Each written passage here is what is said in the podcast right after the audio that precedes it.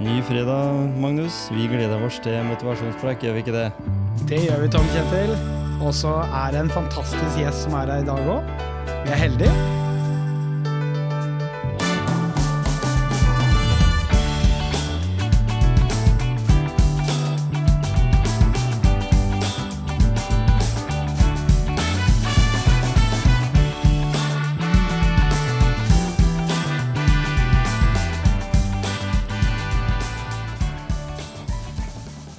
Da sitter vi her, Magnus. Endelig fikk du tid til å komme i studio. Nå har du akkurat blitt ferdig med kjøret som har vært eh, på sommeren, og så skal du rett over julestria, antagelig. For nå har du begynt begynt å få inn julemarsipan, så jeg. Julemarsipan og julekaker og Jeg kjenner litt ekstra i år at det er, eh, det er også en fin ting. Og vi er heldige som kan få lov til å feire jul. Ja, ikke sant? Virkelig. Vi får til det. Eh, det ja. Men eh, det er ikke bare det at eh, vi skal feire jul, for det, det kommer ganske fort. eh, Å begynne å snakke om jula allerede i oktober. Jeg sier til hun jeg er gift med, at eh, åh, jeg syns den der marsipanen er så god. Den der når den kommer, den julegrisen. Så sier hun du får ikke lov å kjøpe den før um, farsdag. Da får jeg alltid en sånn stor uh, gris. Det er første grisen jeg får. ja. Så prøver jeg jo å holde på den, og ikke spise den altfor fort, da. Jeg ser den, og det er jo veldig ofte sånn i, i bransjen vår, så hører vi veldig ofte at eh, å, det kommer så tidlig. Mm. Men kanskje de som roper høyest, er de som kanskje kjøper mest av det. Ja. og det var jo, det var visst en, en grunn, og det kanskje kom vi inn på i løpet av dette, denne timen. Eh, fordi det er jo en, en grunn til at det kommer tidlig. Vi Det snakker er om. Norge, og du vet jo sikkert alt om det når dere har deres kickoff i Kiwi. Der kommer reklame nå. Men- ja. I dag så har vi faktisk fått besøk av en minister, og ikke en helt ubetydelig minister heller. Nei. Olje- Veldig og energiminister eh, Terje Lien Aasland, velkommen til Motivasjonspreik. Tusen takk for det. Spennende å være her igjen. Ja, du var med i episode 61. Da gikk dere rundt med roser og ville gjerne vinne valget. Ja, Og det gjorde dere. det gjorde vi. Ja, Så det, det er jo det som er det spennende nå. Ja. Det er å styre landet i en uh, tid hvor uh, det er mye uroligheter rundt omkring i Europa. Mm. Mange av de tinga Det eneste vi visste om da, det var jo den pandemien vi hadde vært igjennom. Det som har skjedd på en måte både med ting som vi kom inn på med strøm, men også den eh, konflikten ute i Europa, det har jo ikke vært noe som en visste om. Nei, det var det ingen som kunne eh, skal vi si, forutse. Men når vi ser tilbake igjen nå, så ser vi faktisk det at eh, Putin og Russland har nok eh, planlagt eh, godt angrepet på Ukraina. Mm. Og at han har hatt en strategi med å bruke energien og gassen som et strategisk virkemiddel i det å prøve å så splittelser og uro og økonomisk utrygghet i Europa. For vi Mhm. så mm, sånn midt på sommeren i fjor, så ser en at eh, gassleveransene til Europa sakte, men sikkert ble strupa. Mm. Ikke sant? Og det ser en nå, for I går så jeg at faktisk utenriksministeren også sto fram med kollegaene da, sto fram og fortalte at eh, det nok var den strategien som du sier. At dere på en måte begynte også å se litt eh, konturene av det. ja. Mm. Ja, det er ingen tvil om at det å skape, skape usikkerhet i Europa, det å Mm. strupe gassen, det å lage energiknapphet, gjør at prisene kommer opp. Og da kommer den økonomiske utryggheten eh, veldig sterkt fram. Og Mm. prisene steig jo veldig gjennom eh, fjor høst. Og på seinsommeren også. eh, Og så har det stiget gjennom vinteren. Mm.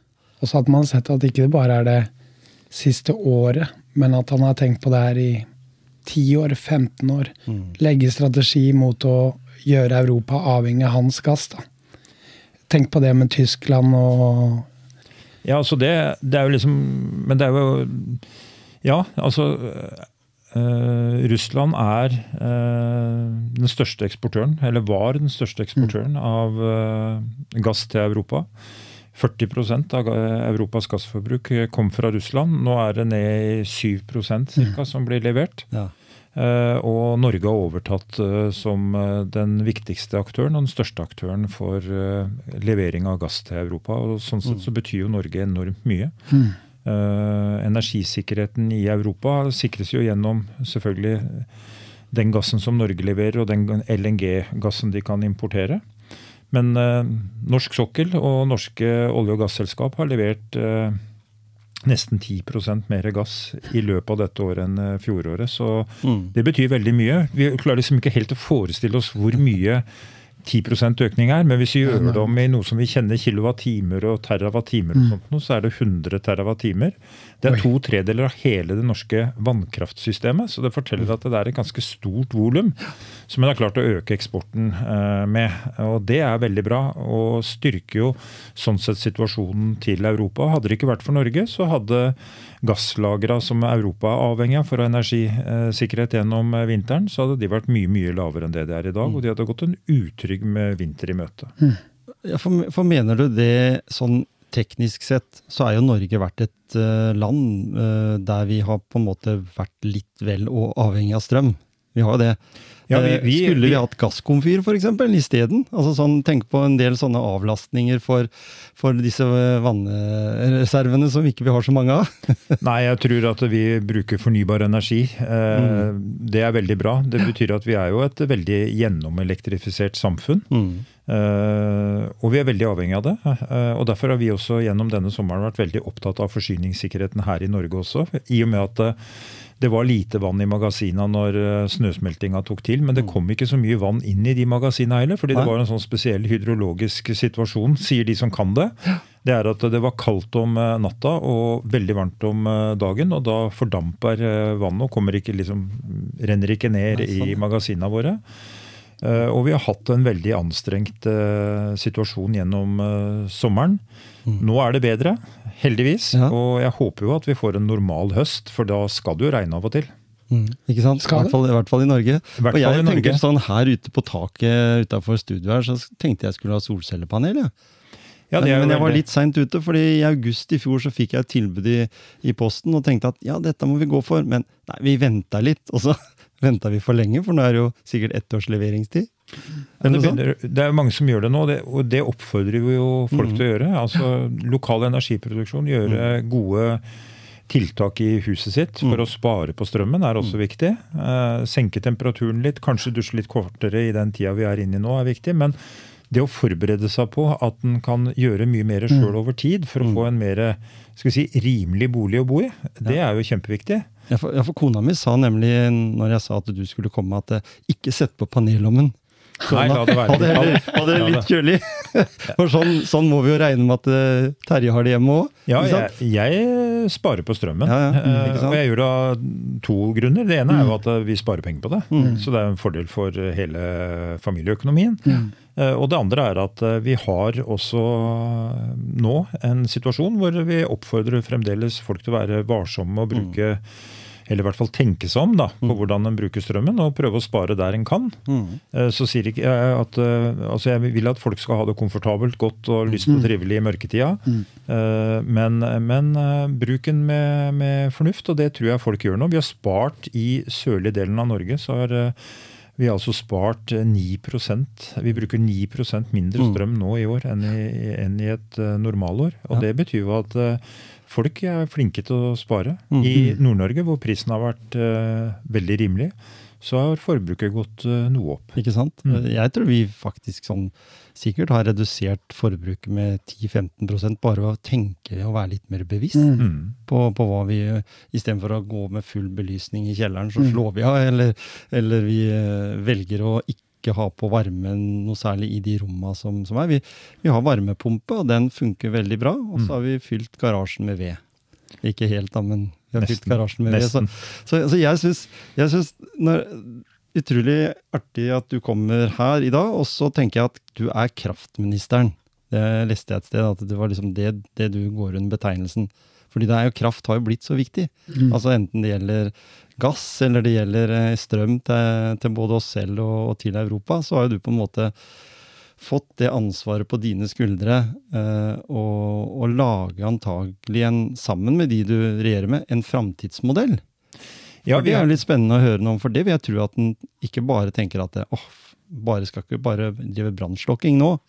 nei, og det er no, noe av det som driver meg. og Når jeg ble spurt om, kunne, om jeg ville overta og ta posten som olje- og energiminister, så, så eh, tenkte jeg umiddelbart ja. Men eh, jeg måtte gå en runde med, med kona mi og familien. Fordi eh, det er det viktigste jeg har sånn sett i livet. Mm. Så det å sørge for at de var om bord og med på den reisa som jeg skulle da gjøre, det var viktig for meg. Men det å kunne jobbe med olje- og energirelaterte spørsmål i den tida vi lever i, Mm. uavhengig av det som nå skjer i Europa, utrolig spennende, utrolig viktig. Og jeg sier at jeg har eh, ett mål. Og det er at eh, Norge skal være industriens førstevalg. Og vi kommer fra en industriregion her i Grenland. Mm. Eh, Og det å legge til rette for at industrien kan videreutvikle seg, foreta investeringer, gjennomføre det grønne skiftet, er jo kjempeviktig for denne regionen, og egentlig for hele landet vårt. Mm. Fordi det er der folk i utgangspunktet starter når de står opp om morgenen. De går dit, har en trygg jobb, en trygg inntekt og en trygg framtid. Ja. Og det gjør jo at en kan eh, bruke også skal vi si, penger som en tjener på andre områder, som gjør at det samfunnet går rundt. Ikke sant? Og det å holde den motoren i gang, den motiverer meg veldig. Og på kontoret mitt så har jeg et kjempesvært bilde av Herøya industripark eh, by night, kaller jeg det. Det er liksom, eh, det er liksom eh, lille Manhattan, altså. Mm. Det er så flott, for det første, bildet. Og det er stort. Og det er en påminnelse hver dag om hvorfor jeg går på jobb. Det er Mm. fordi at jeg gjennom min rolle skal være med og legge til rette for at vi i tida framover får tilstrekkelig tilgang med fornybar energi som er rimelig og kan gå inn som en innsatsfaktor i industrien og trygge arbeidsplassene. Mm. Og trygge folk eh, selvfølgelig i forhold til Mm. strømregninga. Ikke sant? Og det er riktig som du sier, for det er ganske mye lys der. For jeg kjører jo, jobber jo som nattvakt ute på Nystrand, og jeg kjører jo Nystrand-Porsgrunn Nystrand-Porsgrunn flere ganger i løpet av natta. Og da er det som du sier, det er liksom litt sånn Jeg husker når jeg var guttunge, når vi fant et gammelt TV, så dro vi ut det hovedkortet i TV-en, og da hadde vi Herøya. Ja, For det var alle de tankene. Det var liksom, og det var, liksom, det var lekebrettet vårt, det, for da var vi inne på industrien der ute på Herøya. og Mm. husker jo første gangen jeg kjørte bil der inne, det var jo firefelts motorvei omtrent. altså Breie gater, og det var Ja, det er et lite, strengt å komme inn i et samfunn. samfunn. Det var det det, var. Så hvis du skal ha en romantisk kveld med kona di, så anbefaler jeg deg å reise til Knardalstrand. Ja. Og sette deg der og så se utover? Herøya industripark og industrien vår. Og så kan du tenke over hvor mange mennesker som har henta tryggheten sin på Herøya opp Mm. gjennom åra. mm. Og hva hadde Grenland f.eks. og Norge vært uten eh, den industribygginga som skjedde rundt, eh, rundt eh, starten egentlig i Telemark Ja, ja. med, med Rjukan. Både og og. Notodden. Utbygginga av krafta, sørge for at krafta Mm. kunne bli transportert ned til Grenland. Så det er fantastisk. Ja, Og så sier du akkurat det, du er jo inne på det òg, i forhold til det å trygge framtida. Og nå står vi jo eh, midt i en tid der vi eh, Vi har jo hatt mange fortrinn med den grønne og fornybare energien vår. eh, Som har også vært et fortrinn for å få ny industri til Norge. Og det, det tror jeg også mange lurer på hvordan, hvordan tenker vi rundt det for å sikre ikke minst nok kraft. Mm. Og til god og fordelaktig pris, som igjen gjør at det, wow, det er i Norge vi må. Mm. Nei, altså Vi må bygge ut mer kraft. Mm. Eh, Det er det ingen tvil om. Kraftforbruket kommer til å øke hvis vi lykkes med industrietableringene og det grønne skiftet. Så kommer til strømforbruket i Norge øke ganske betydelig fram mot 2040 og 2050. Et sted mellom 40 og 80 TWh. Altså, vi skal Altså det, er, det er store volum. Mm. Og For å lykkes med det, så må vi bygge ut mer kraft. Og vi må bygge mer nett, og vi må gjøre det raskere enn det vi har gjort i fortida. Eh, og Vi har jo sagt at vi tar opp igjen eh, konsesjonsbehandling av vindkraft på land. Det er omdiskutert. Mange hater det. Mm. Eh, men det er eh, skal vi si, det er den rimeligste krafta og enkleste krafta å bygge ut i dag. Og Jeg mener at vi kan gjøre det på en skånsom måte. Og jeg mener et moderne samfunn inneholder også den type fornybar energiproduksjon som vindkrafta representerer. Mm. Det med solceller, lokal energiproduksjon, er kjempespennende. Mm. Vi ser at det kommer nå teknologier som gjør at en får mikrovind, altså mindre vindmøller, som kanskje kan stå på en eh, gatelysstolpe, og vi kan kle E18 med det. Fantastisk. Herøya industripark har eh, folk som jobber med dette. Eh, og vi har eh, lansert, etter at jeg overtok eh, som olje- og energiminister, en gigantisk satsing på havvind, som kan være en stor ny eh, mulighet for Norge. 30 000 megawatt. Eh, det er omtrent like mye som hele det norske kraftsystemet. Ja. Så forteller litt om størrelsene på det. Og det tror jeg kan gi oss tre kvaliteter. Det ene er at det gir oss mer fornybar energi. Det andre er at vi kan gjennom en sånn type utbygging også klare å kutte klimagassutslippene. Mm. Eh, altså konvertere fra fossil energibruk til fornybar energibruk. Mm. Og det siste med det, det er at det gir oss nye industrielle muligheter. Tenk på alle de som i dag jobber i leverandørindustrien knytta opp mot olje og gass. Mm. Etter hvert som den fases ut, så får de da et nytt bein å stå på. fordi Nemlig Flytende havvind spesielt, det vil være noe som verden kommer til å etterspørre. De fleste land har jo dype sokler eller dype havområder rett utafor kysten sin, sånn som Norge har. Det er få som har som Danmark og Nederland, hvor det er helt grunt og du kan vasse rundt og omtrent plassere eh, vindmøllene uh, ute, på, ute, på, sjøområdene. Mm. Men her kan de flyte. Og vi er jo i gang med den teknologien. Vi prøver ut dette. Vi har eh, i gang nå bygger eh, verdens største flytende havvindpark. Og de skal bli enda større. Fordi det er så viktig med fornybar energi som innsatsfaktor i samfunnet vårt. Mm. Mm. Når, når, noen snakker om det her med øh, klima og klimagass, så, så, så nevnte du tre ting før valget som var viktig for deg da, og for partiet ditt også. For jeg regner med at det er, det er jo hjertet på Arbeiderpartiet. Mm. Og da var det arbeid til alle. Mm. Eh, sterkere velferdsstat eh, med reduserte forskjeller. Og så var det eh, å kutte klimagassutslipp og skaffe flere jobber. Mm. Eh, gjerne rundt det, sikkert, også da, i forhold til det.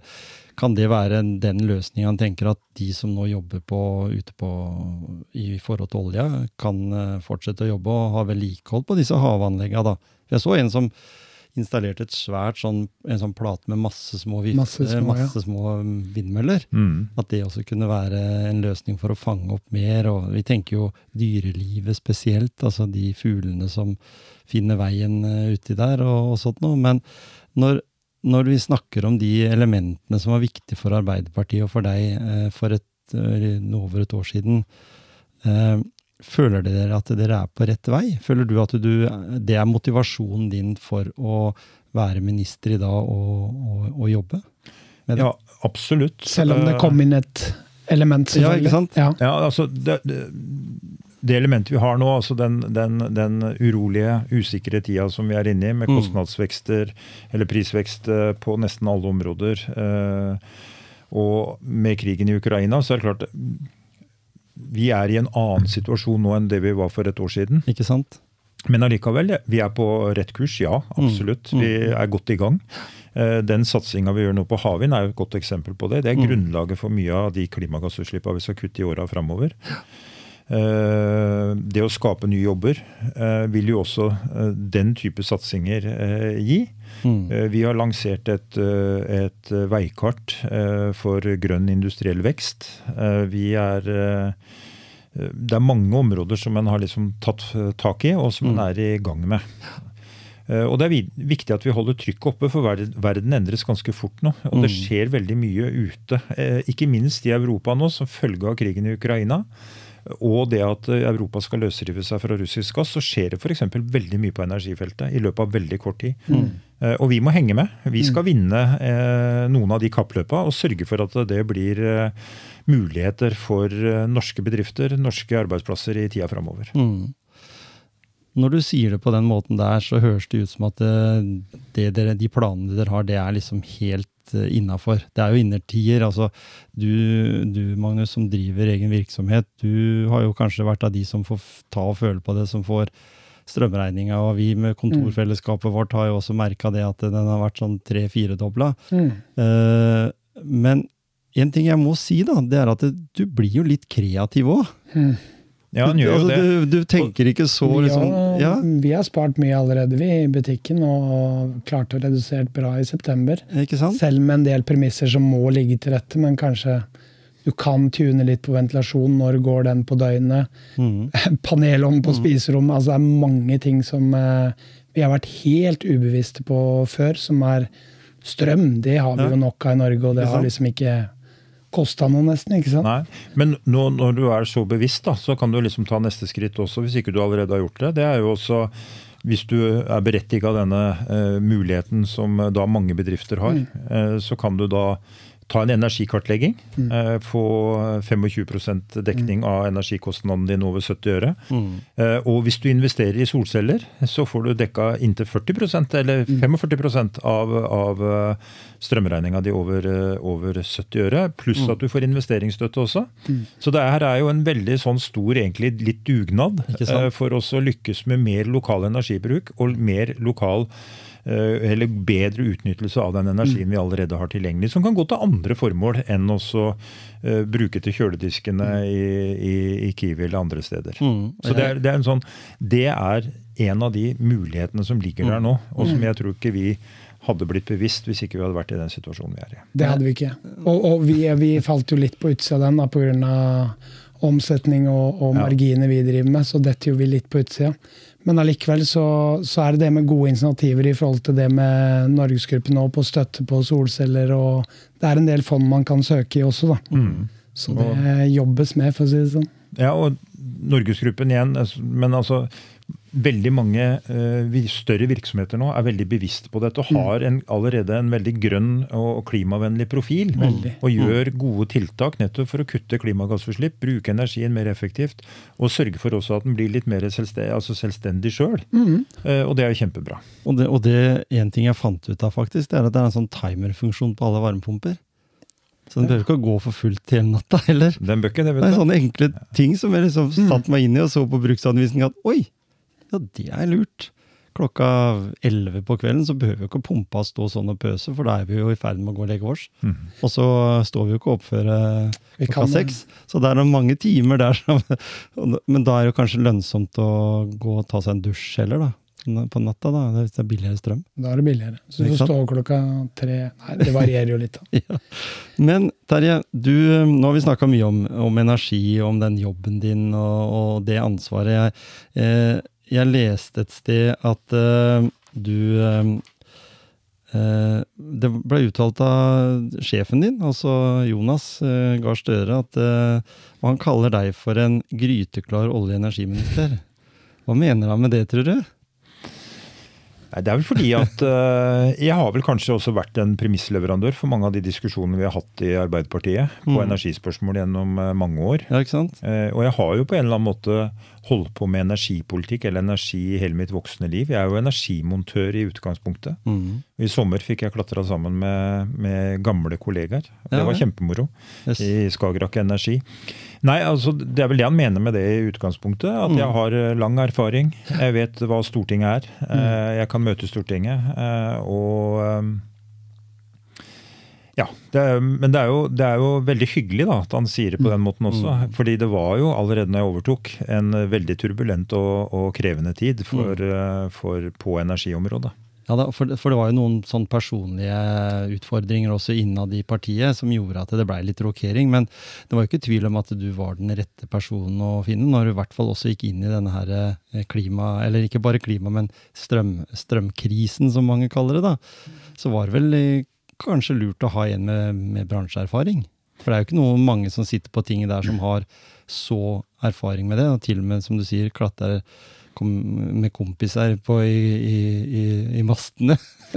Nei, altså, det, det er ikke mange som er energimontører som, som, som uh, i utgangspunktet er på Stortinget. Vi var to stykker faktisk i, eh, i stortingsgruppa vår for noen år siden. Men, Mm. uh, men, men det å være engasjert i energipolitikken, i klimapolitikken med inngang fra energipolitikken, Mm. eh, er jo noe som eh, som eh, opptar meg, og som gjør meg oppildna og, og motiverer meg. Mm. Det er jo kjempespennende eh, og veldig meningsfylt i den tida vi lever i, å kunne holde på med akkurat det feltet. Ja. Så det er, det er til stor inspirasjon. Så Jonas har hørt stemmen din lenge før vi kom inn i den, i den krisa som var nå, i forhold til det med Energi. energi.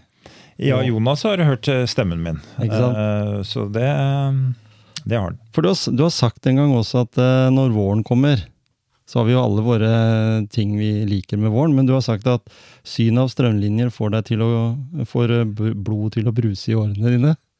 Ja, altså jeg sier det litt for å erte, selvfølgelig, fordi det er et omdiskutert tema. Mhm. Men jeg syns jo i utgangspunktet kraftledninger er noe av det fineste vi har i norsk natur. Det vet jeg, det sier jeg jo litt for å provosere. Mm. Men det som er så viktig med det, det er jo at eh, vi klarer å få omsatt den krafta og levert den til industri, til næringsliv, til folk. Mm. Eh, Og vi har et, eh, har et eh, veldig fint kraftsystem.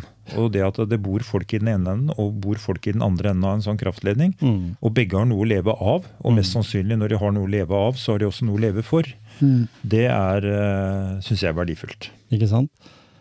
I, I 1965, når du blei født, da Det er lett å, lett å finne ut av det, da.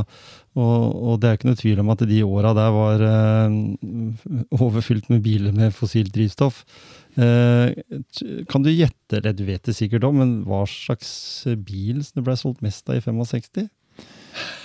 I 1965 eh, Det kan være folkevogn boble, Mm. men jeg er ikke helt det. sikker. Det var det. Ja.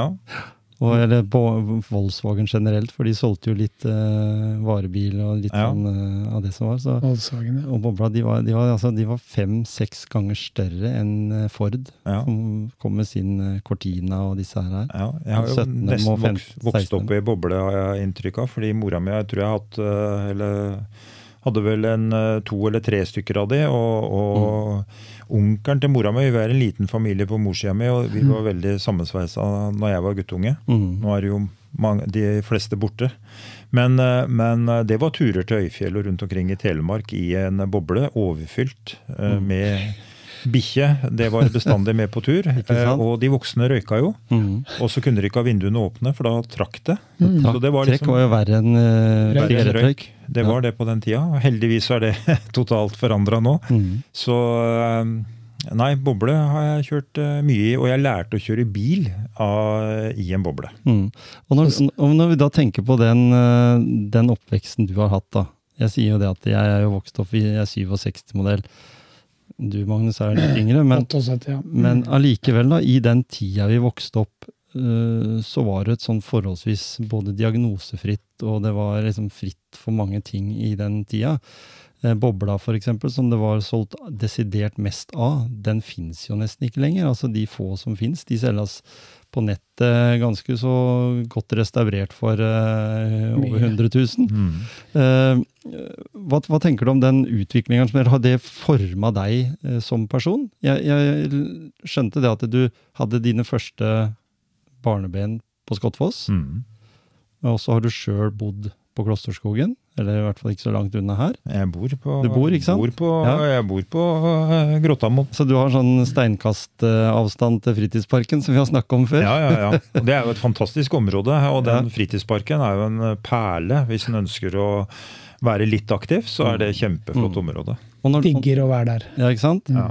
Jeg sykla der senest eh, forrige dagen. Jeg har sånn motbakkesykling jeg, som jeg driver der nå. Takket være stier og nettverk som er innover der, så kan du behøver ikke å reise lenger. Men det er da jeg tenker at uh, vi som bor i Skien her, vi er uh, ekstremt heldige. Vi har utrolig mye, og det jeg har sett med barna mine gjennom idrett, og de har prøvd forskjellige ting, og det er engasjerte folk i alle tenkelige idretter du bare kan tenke deg i det lille området her. Mm. Altså, jeg blir så imponert over alle de frivillige kreftene som er rundt. Og jeg har sett veldig mye positivt i forbindelse med korona og hvordan vi igjen har tatt i bruk nærområdene. Mm. Ting rustes opp, stiene blir tråkt ned igjen. Vi begynner å se litt mer av de nære tingene vi har rundt oss, istedenfor bare å jage etter den sydenturen vi skal om et halvt år. Og så slutter vi å leve fram til det. Vi lever i dag. I dag er det fredag, og det er flott. Mm. Men mandagen også er en flott, flott dag. Mm. Så det å ta livet mer enn nær til oss, det tror jeg også kan Den krisa vi står i nå, gjør også at vi blir mer bevisste over livet våre, og hvem som betyr noe rundt oss. Så det å ta vare på hverandre og se hverandre, det, det merker i hvert fall jeg en endring. Det er viktig. Og det blir jeg ordentlig glad for, for det er det som er livet. Og du som går grønnkledd òg, da. Nå kommer, nå kommer hulk på, eh, skihulk på kino. Hæ? Du er jo litt sånn grønn, Ja, ja. litt sånn som deg. Grønn, grønn mann.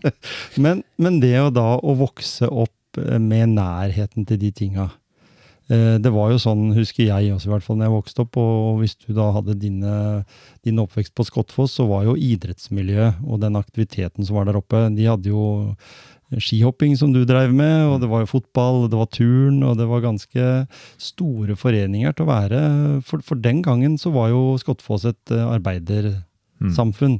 Et sånn i miniatyr, egentlig, fordi det lå liksom Industri. 2,5 km utafor Skien sentrum, og så hadde bygd seg opp. Jeg husker vel snakk om at det var du måtte ha en eller annen i familie hvis du skulle bosette deg der, liksom.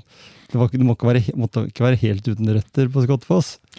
Nei, det ble vel sagt at det var en fordel. Jeg syns Skottfoss er et fantastisk flott område. Du har elva, du Ja, har eh? Kanalen. kanalen. Uh, utrolig vakkert. Jeg kommer jo fra liksom, Besteforeldra mine bodde i Grøtsund, så der bodde jeg de Ja, tre-fire første leveåra mine. Så flytta vi til Klyve etterpå, Mm. og da fikk jeg jo vokse opp i en drabantby, egentlig. Ja, Fantastisk. Masse unger, masse aktivitet. Vi hadde. Brennbakkene, som vi kalte det. Det var jordene ned mot uh, Der var det skiaktivitet hele vinteren. Mm. Eh, og så var det jo selvfølgelig noen som eh, var ute med fyrstikker og tente på på, på vårparten. Og da kom eh, klyvebilen, kalte det det. Det var brannbil. Oh, ja. For å slokke. Så Det var det, det var liksom, og det var, det var liksom to kontraster på én måte. Ja. Fordi eh, Skottfoss og det det med fagbevegelsen og, og den mm. betydningen den hadde i det miljøet, selv på 80-tallet, husker jeg veldig godt. Når eh, Union var, eh, skulle legge ned Skottfoss bruk, så var det ganske innbitte diskusjoner og kamper der oppe. Men når jeg vokste opp som liten guttunge i, på Skottfoss, så var jo 1. mai-oppslutninga var jo helt formidabel. Og det er den fremdeles på Skottfoss. Mm. Så der ligger de røttene igjen, og det syns jeg er veldig godt å være med på. Så de gangene jeg er eh, og får lov å være med på å feire 1. mai for eksempel, på Skottfoss, det er stort. Mm. Og Skottfoss er eh, Jeg er jo født mer på, på østsida, på Bratsberg. Men jeg tror liksom Skottfoss, hver gang jeg drar opp der, bare tenker jeg wow, for en plass! Mm. Det er så underkommunisert og har fått en, Ja, ja. et litt uheldig rykte. For Ja, Skottfoss det er en er fantastisk flott plass. De har alt. Gjør sånn, som- og- gjør sånn som ja, jeg gjorde det. Jeg, vi har jo hytte oppe på Nordsjø, ja. og jeg padler, eh, eller gjort det noen ganger, og padler ned. Jeg, jeg riktignok bærer eh, kanoen og, eller kajakken forbi. Jeg, jeg, jeg, jeg satte i gang med en 15-fots kajakk, en kano som jeg begynte å bære der aleine. Det var Ja, det var Ja. Da fant du ut at uh, slusa var lang. Men når du kommer ned der uh, og setter i gang vet jeg, jeg tror jeg traff eh, fem eller sju beverpar, ja, hvis ikke de fulgte etter meg. Mm. Veldig mye bever. Det er veldig fint. Du kommer ut i strømmen. Jeg sier Når du kommer ned til Elstrømbrua, så har du nesten sånn saltstrømmen. Du har Mm. sånne sirkler i, Virvler, ja. i virvler i veien av at det smaler inn der. Eh, og da, grunnen til at jeg ville ta det, det er jo fordi når vi er inne på det med kraft, så må jo det være kjempegøy å treffe så mange kreative mennesker som har ulike løsninger. For eksempel eh, så vet jeg det at det fins Altså kraftanlegget vi har på Klosterfossen, da. Det er jo et uh, anlegg som er bygd av russere uh, på, på var vel slutten av 60-, begynnelsen av 70-tallet. Mm. Uh, fordi de var spesialister på det å hente kraft ut av vann som ikke hadde fossefall. For det var vi veldig gode på Mm. legge det i rør og sånn.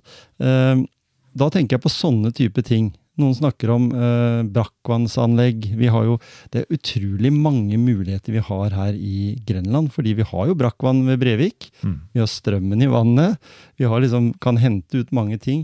Eh, får du snakke med mye sånne folk? Veldig mange. Og Ja. det, det er også en del, som, noe av det som er det fine med jobben. Du får reist rundt, snakka med mennesker som Mm. er kreative, og som tør å satse, tør å våge litt, Ja. har tanker, ideer. Eh, så det er, det er kjempespennende. Og så er det et veldig sånn Det er jo et bredt felt. Ja. En tror liksom bare det er strøm og litt uh, energi, liksom. Men Mm. det er jo ikke det. Alt fra olje- og gassinstallasjonene våre, som jeg har besøkt uh, flere ganger. Vindmølleparker. Stått på toppen av en eh, havvindmølle. Jeg har flydd ja, det så jeg bilde av. Det var høyt. ja, er 115 meter over Ja. bakken. Og så, Så har jeg også sett, uh, sett, det er feil, jeg har hørt, eh, rykter også i Telemark i forhold til Skagerrak Energi, hvordan de jobber opp i eh, Nisser oppe i Vrådal, med eh, mulighetene for å også pumpe vannet tilbake. Mm. Eh, det vet du mye om de tingene der. Det er ekstremt spennende. Hvis de får til en eh, type metode som gjør at vi igjen kan bruke vannet på nytt, Mm. da, da snakker vi. Ja. Ja da, og det, det er veldig mange prosjekter som, har, har- som jobber med det nå. Eller flere prosjekter som jobber med det. Og, Ja. og har sånn såkalt effektoppgraderinger og sånt nå. Men Og Det de ser også på konkret nå, det er om de kan bruke f.eks. havvind. Mm. Eh, Når det blåser, så trenger vi kanskje ikke krafta. Nei. Så kan du bruke den krafta til å pumpe vann opp i magasinene, og så Ja. har du eh, en kontinuerlig, egentlig en evighetsmaskin, på en måte. Mm. Fantastisk. Eller en det- stor, stor hevert eh, Ja, Tenk å få til den, da. ja den, Det hadde vært bra. Og jeg husker jeg hadde en omvisning eh, på Akershus Energi, for de som har drift der eh, oppe Åfoss og, og Skottfoss og så ned i, på Klosterfoss. Og da snakka de om at det var jo Telemark hadde jo kanskje den grønneste strømmen, fordi du henta jo strøm ut minst fem ganger av det, det samme vannet. Ja, du gjør jo det. Telemarksvassdraget er jo en av de mest utbygde Ikke sant? eh, elveløpa som er. Eller hvis du tar fra, fra Tinnsjøen og ned, og Ja. også fra, fra, fra Bandak og ned, så er jo det et av de største utbygde vassdragene vi har. Mm. Og det er jo grunnlaget også for at vi har den industrien og Nemlig. hatt den utviklinga som vi har hatt, Mm. eh, og som er veldig verdifull. Det produserer enormt store verdier der hvert år. Mm. Uh, og så er det en annen ting jeg har lyst til å ta litt opp her. at Det gjelder jo også samme energi. Eh, Jeg har en kompis som jobber i kommunen, og de jobber med noen veiprosjekter. Spesielt nå oppover mot Brekka her i området. da. Og da kommer jo Skagerrak da med svære batterier. Istedenfor før som de la lange kabler og eh, raserte mye mer da, miljøet rundt, rundt der de holder på med veiprosjekter. Og nå er det jo vann og avløp som skal bli bedre i, i regionen her. Så, så, så- og det er jo veldig spennende. Skagerrak Arena for eksempel, har jo et av de største, og største batteriene i kjelleren. Mm. Det er veldig spennende teknologi egentlig å tenke på at det, det er mer enn en powerbank som du har med sjøl. Mm. Ja, det er det. Og det med batteriteknologien f.eks., det, det utvikler seg jo veldig. Uh, og det er flere steder, eller det i hvert fall begynner å bli steder nå hvor en uh, også bruker batteri for å uh, Istedenfor å bygge større også kraftledninger, så har den batterikapasitet Mm. uh, i de toppene hvor en uh, ikke klarer det med det nettet som er. Så det går jo veldig fort videre. Og vi som er fra Grenland, vi har jo fulgt uh, elbilutviklinga kanskje tettere enn mange andre, fordi vi hadde jo Elbil Grenland, hvis dere husker det. Ja. Eh, og hva du kjører rundt i nå, eller hva du liksom eh, kan få tak i nå, eh, med rekkevidde, ladehastigheter eh, og ikke minst krefter, Ja. så er jo det helt fantastisk. For elektrisitet på en motor mm. i en bil er jo én til én omtrent. I, i, i, altså er én til én i effekt og kapasitet på hjula igjen. Så det er jo en kjempegod utnyttelse av energien. Ja, for jeg hadde Geir Elsebutangen her. Han er jo leder i Elbilforeningen i Telemark og Vestfold eller noe sånt. Ja. Og han sa jo at elbilen var faktisk tidligere ute enn eh, fossilt drivstoff. Det kom på slutten av 1800-tallet.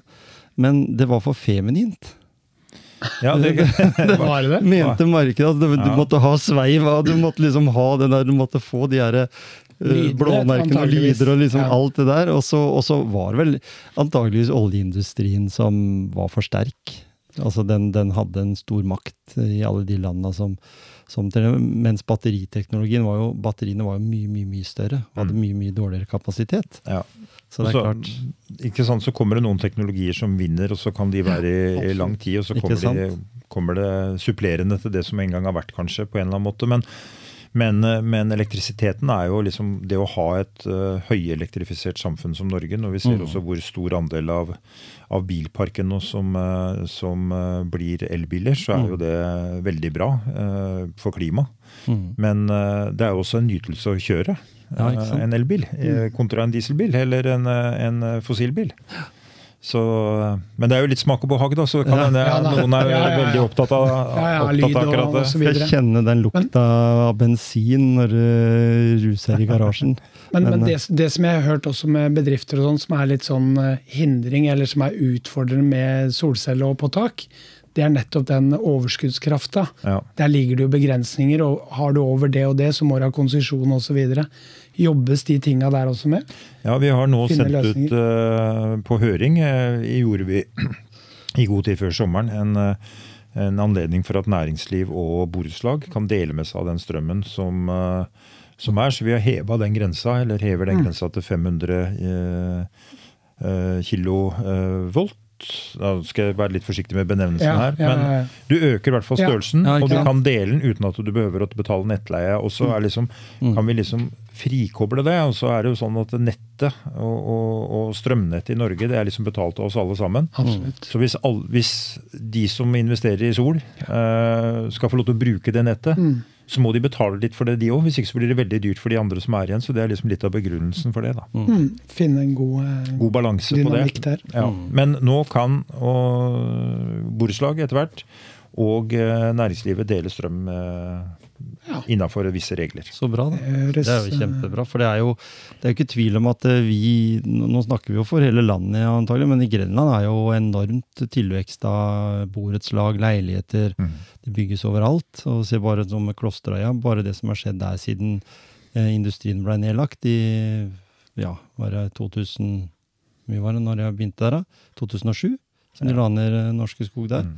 Så, så har det skjedd enormt. Ja. vet du, med, Men du kan ta på sol, bare solceller, altså hvis du tenker lokal energiproduksjon, uten at vi liksom hadde, hvis det hadde vært der, da, Mm. uten å tenke over det. Ta bare på de flate takene som er rundt i dette området her. mm. Hele Kjørbekk-området f.eks. eksempel, Det er jo tusenvis av kvadrat med helt Mm. flate tak.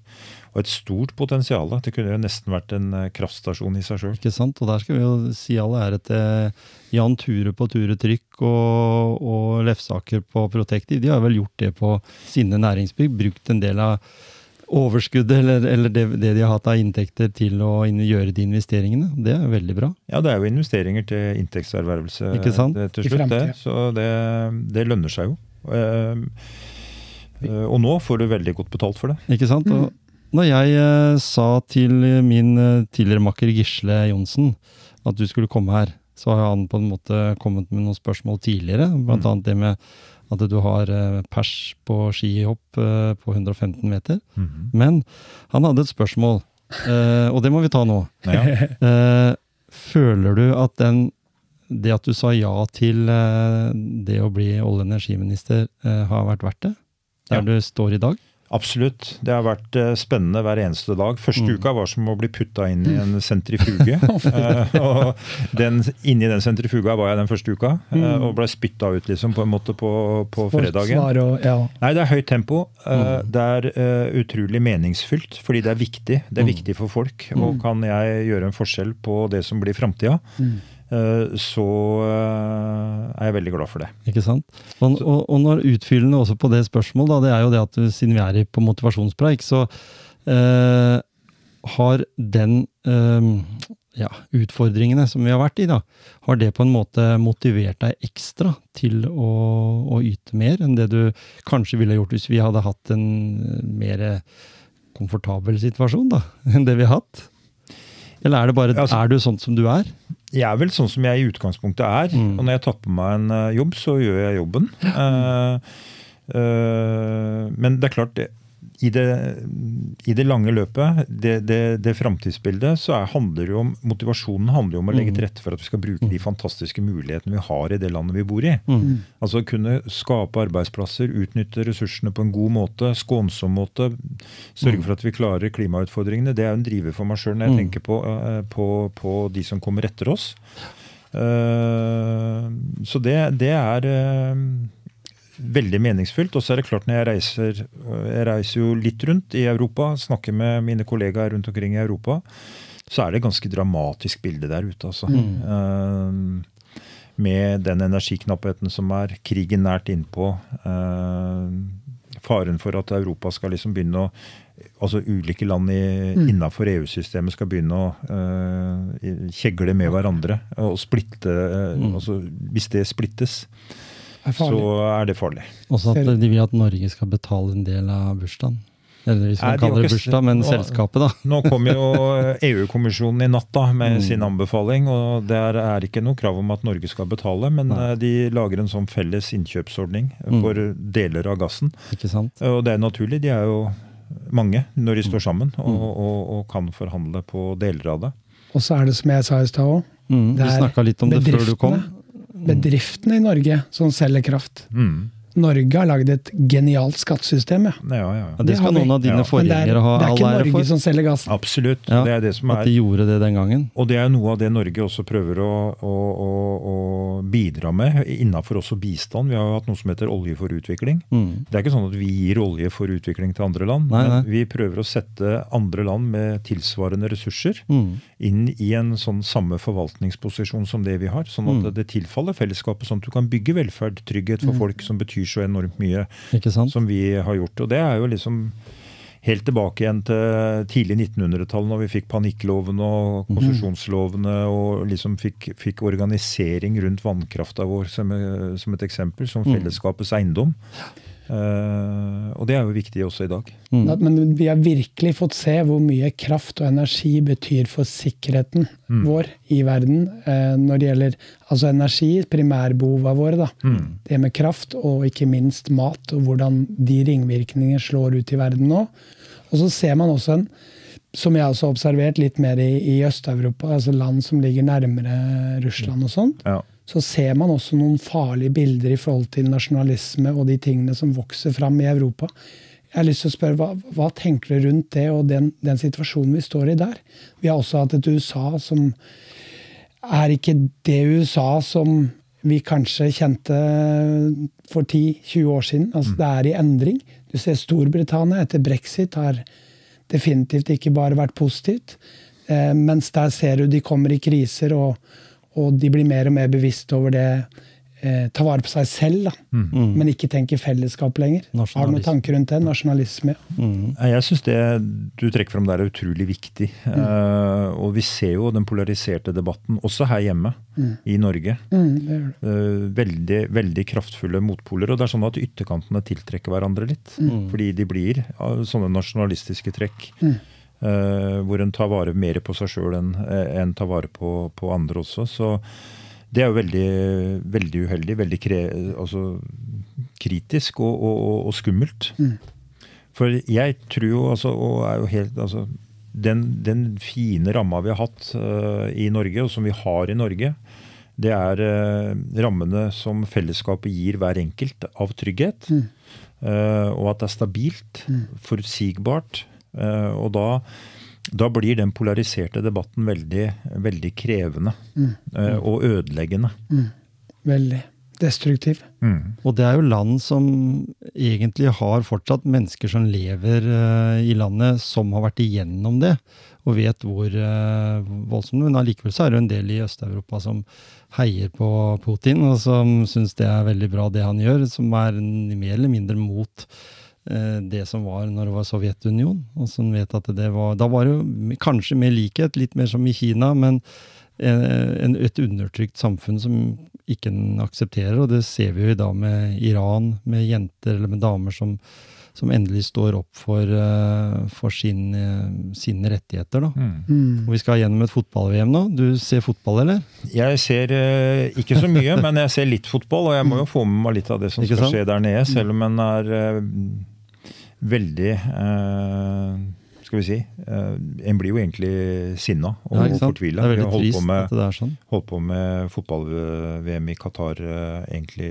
i lang tid, i forhold til både fagbevegelsen og hvordan en, de, liksom er inne i det å prøve å hjelpe ar- arbeidstakere i andre Mm. land, da, som blir utnytta grovt, og som mange dør. Og Norge har gjort en veldig innsats. altså forbud nå har jo stått Ja. eh, steilt der. Og det er rar, det, en får liksom ikke helt uh, aksepten for det i, de, i landa der nede, i og med at du har en uh, er det liker å kalle seg skeiv uh, fotballpresident. da. Og det må jo si at Norge som land er veldig åpen i, i det samfunnet. Selv om det er undertrykkelser her også, så, så må jeg jo si at det er eh, veldig bra for fotballen sånn som det har blitt nå. Med at jentene får mer å, å, å, av kaka òg, da. Veldig, og det er jo veldig Mm. viktig. altså det å ha et, eh, et samfunn bygd på likeverdige verdier, Ja, ja. altså hele det der eh, frihet, likhet og solidaritet, det er liksom ikke gammeldags ord. Det er ord som er, og verdier som er utrolig viktige. Mm. Og det å sørge for at vi er ulike som mennesker, men at vi kan få lov til, få lov til å være ulike, Mm. uh, det er jo utrolig viktig. Og at en kan leve trygt og godt med det, de ulikhetene som en har. Men uh, Terje, jeg tenker litt på det med Du har jo krevende dager, du òg. Sånn som uh, sikkert jeg selv òg føler mange ganger at jeg har. Men har du noe råd, eller ja, Hvordan prepper du deg sjøl i hverdagen for å ha riktig energinivå? Hvordan kan en dag se ut for eh, Terje når han er i Oslo? Nei, Når jeg er i Oslo, så er det sånn eh, stort sett Jeg blir henta hver morgen i leiligheten som jeg har der inne. Sånn eh, normalt ved halv åtte-tida. Og så er jeg som regel oppe i leiligheten igjen ved ni-tida på kvelden, kanskje. Og da er hele dagen veldig tett belagt med møter, forberedelser. Og det er jo et stort apparat som er rundt meg, mm. og som er faglig retta. Eh, Og så må jeg ta de politiske beslutningene eh, og stå ansvarlig for de.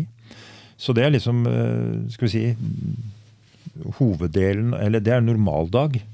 Så er det mye reising, treffer mye folk. Har veldig mange eh, møter. eh, Internasjonale eh, delegasjoner som kommer til Norge. Gjerne vil nå selvfølgelig snakke med olje- og energiministeren, fordi vi har energi tilgjengelig. Eller i hvert fall eh, vi har mye energi. Så veldig mange, mye av tida går også til, til det. Eh, Så det er, det er utrolig spennende. Men når jeg, kommer, når jeg skal lade batteriene, Ja. så er det jo selvfølgelig det å komme hjem på en fredag. Komme hjem til Skien, være sammen med familien eh, er viktig. Jeg har hytte også oppe i Kyrkjebygd, på Kyrkjebygdheia. Nå har jeg ikke fått vært der siden tidlig tidlig i juli, men jeg skal opp en tur, opp en tur den helga nå. På, Fra lørdag til søndag.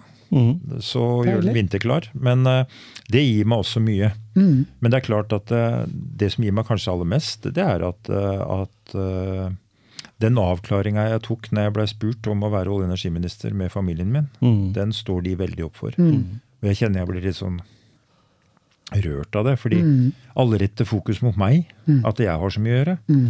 Men det er jo mange av de nære rundt meg også som mister noe av meg. Veldig. Så de gir jo like mye som det jeg gjør. Og når jeg kan få lov til å være sammen med de, så, så eh, er det veldig betydningsfullt. Og det er en sånn eh, Da er jeg på hurtiglader. Så bra. Og, og det sånn, har du noen form for eh, sånn faste runder du går, eller har du noe sånn som du kanskje rekker i løpet av dagen av og til? Har du noen sånn eh, Ikke i hverdagen. Nei, det ikke det går ikke. Nei, stort sett ikke. Klemt inn en løpetur på mølla, eller Nei, det, jeg har liksom Når jeg var på Stortinget, så hadde jeg bestandig en time eller halvannen time eh, som regel da når jeg var i Stortinget, hvor jeg fikk eh, trena litt og tatt meg en dusj igjen. Og så jobba jeg litt utover på kvelden, fordi jeg ville liksom gjøre meg mest mulig ferdig mens jeg var i Oslo. Men nå er det ikke anledning, tid strekker ikke til det. Men jeg har en drøm da, om Ja. at jeg skal begynne med det igjen. Fordi vi trenger jo litt eh, positiv eh, fysisk aktivitet også. Det klarner huet og gjør godt for kroppen. Men her hjemme i, i, i Skien så har jeg en bikkje som jeg må gå noen runder med. Så den eh, får meg ut tidlig, tidlig og seint, så det er, det er veldig bra. Og, når, og når du sier det at når du da tok en diskusjon i hjemmet da, for, for, for den jobben, eh, har du opplevd, uten at du behøver å nevne noen navn, har du opplevd ministre som ikke har gjort det? Uh, som du, dere snakker jo sikkert litt sammen, og ja, jeg skulle ha sagt fra til kona om dette her. Uh, det, det, det, det er et dumt spørsmål, for jeg er helt sikker på, som alle andre steder, at det har skjedd der òg. Det, det har nok det, men, men, eh, men jeg har ikke hatt de samtalene med noen andre Nei, kollegaer. Fordi det er veldig bevisste folk da, mm. i utgangspunktet. Det er det, vet du. Eh, og jeg tror de fleste tenker gjennom en sånn type forespørsel. Mm. Uh, og tenker Ja, seg grundig om. En er ministerpost, ja. Ja, ja, det skjønner jeg. Ja, Det har vel de fleste forhåpentligvis snakka En ting er å si ja til en jobb, Ja. men den er jo like stor for hun Ja, her i heimen som det den er for den Ja, det- jobben du sier der, da. Ja, og det, sånn. det, det er liksom viktig å ha med at jeg også har det perspektivet med meg. Mm. For jeg merker jo det. altså jeg sa, Nå skrøt jeg kanskje litt at når jeg kom hjem, så var jeg på hurtiglading. Men, eh, men jeg merker jo det at eh, kroppen er sliten etter en eh, uke, eller en lang uke. Ofte så er det jo sånn at jeg kommer kanskje på seint på fredag og drar tidlig på søndag. Mm. For å rekke det jeg skal. Ikke sant? Mm. Og Nei, da, det er veldig interessant, ja. Ikke sant? Og da har jeg lyst til å spørre sånn helt mot slutten uh, her, Terje, at når eh, du nå sitter som minister, så skal du eh, komme med ideer, tanker, løsninger for Norge. eh, innenfor da, som vi sier, innenfor olje og energi. Og du vet det at du skal også tenke lenger fram enn det du kommer til å styre, antageligvis, og sitte som olje- og energiminister. Mm. Fordi en har jo politiske perioder av fire år, ikke sant? Og, da, og, og så det, har du kommunevalg imellom, så det er mye uro sånn hvert andre år i hvert fall. Eh, har det fortsatt en sånn liksom i hjerterøttene på deg? Er du så engasjert eh, politisk sett at du bryr deg lenger om politikken enn bare akkurat de fire åra som dere sitter nå? Dere kan jo sitte fire år til, Ja, ja, ja. lenger, det men- kommer, men antageligvis så vil rollefordelinger og sånn byttes og sånn, så Nei, jeg, jeg prøver å tenke langsiktig. Jeg tar Mm. ingen beslutninger fordi at det skal være populært nå. Nei? Eh, Da hadde jeg kanskje tatt andre beslutninger enn det vi har tatt. Men Mm. vi, vi eh, gjennomfører den politikken vi mener er riktig for Norge over lang tid. Mm. Uh, og så håndterer vi den situasjonen som er nå, ut ifra det som vi mener er riktig i den situasjonen vi nå befinner oss i. Mm.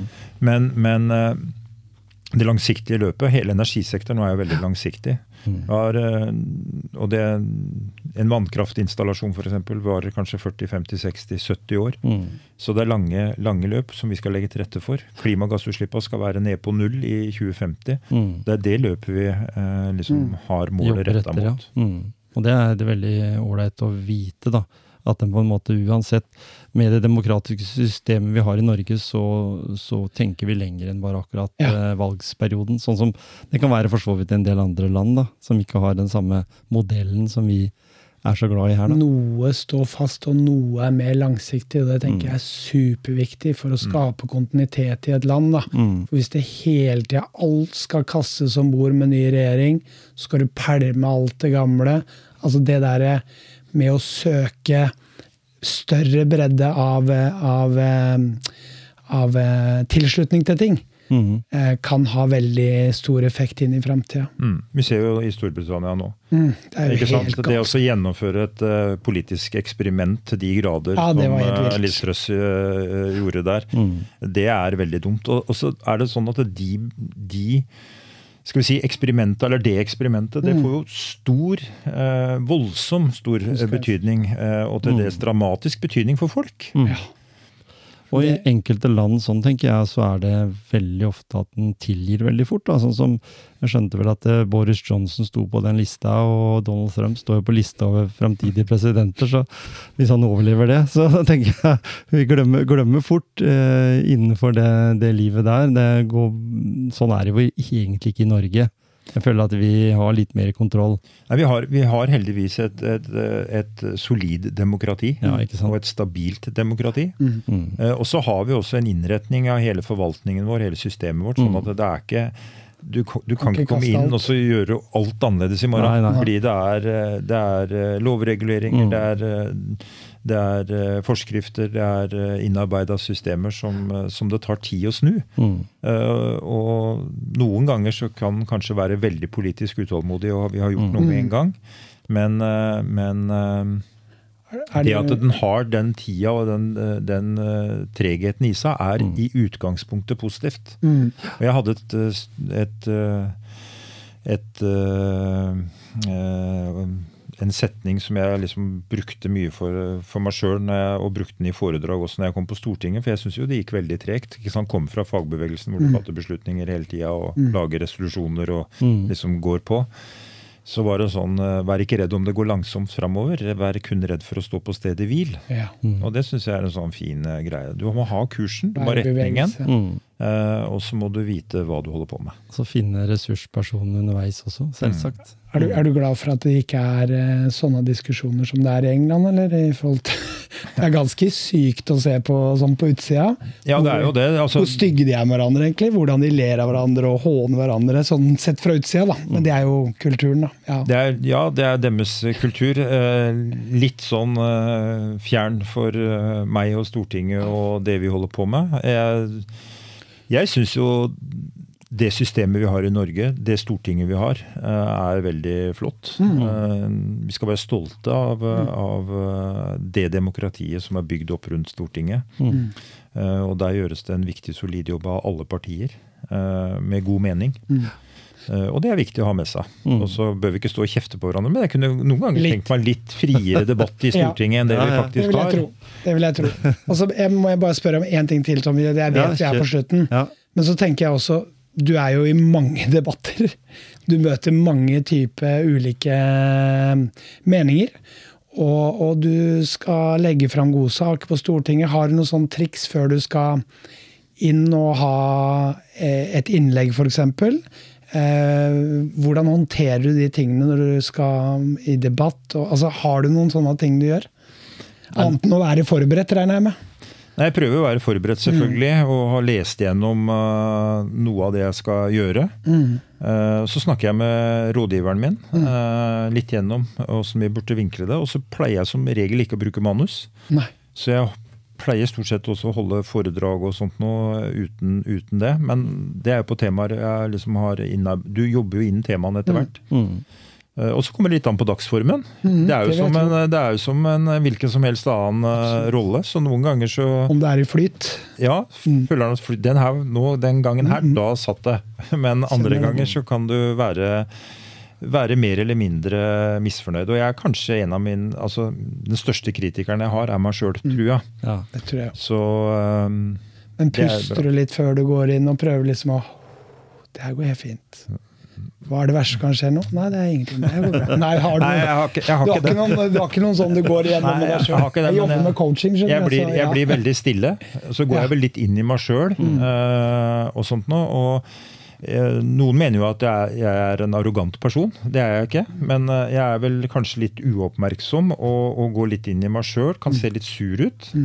Eh, er ikke det heller. Fokus. Men uh, jeg, det er nok fordi at jeg er en, eh, er en eh, person som ofte går inni inn i mine dype tanker. Mm. Kult å høre. Jeg har lyst til å høre Eller om det er noe En sang kunne- til slutt? Nei, Ja, nei, ja. Da tar vi en sang.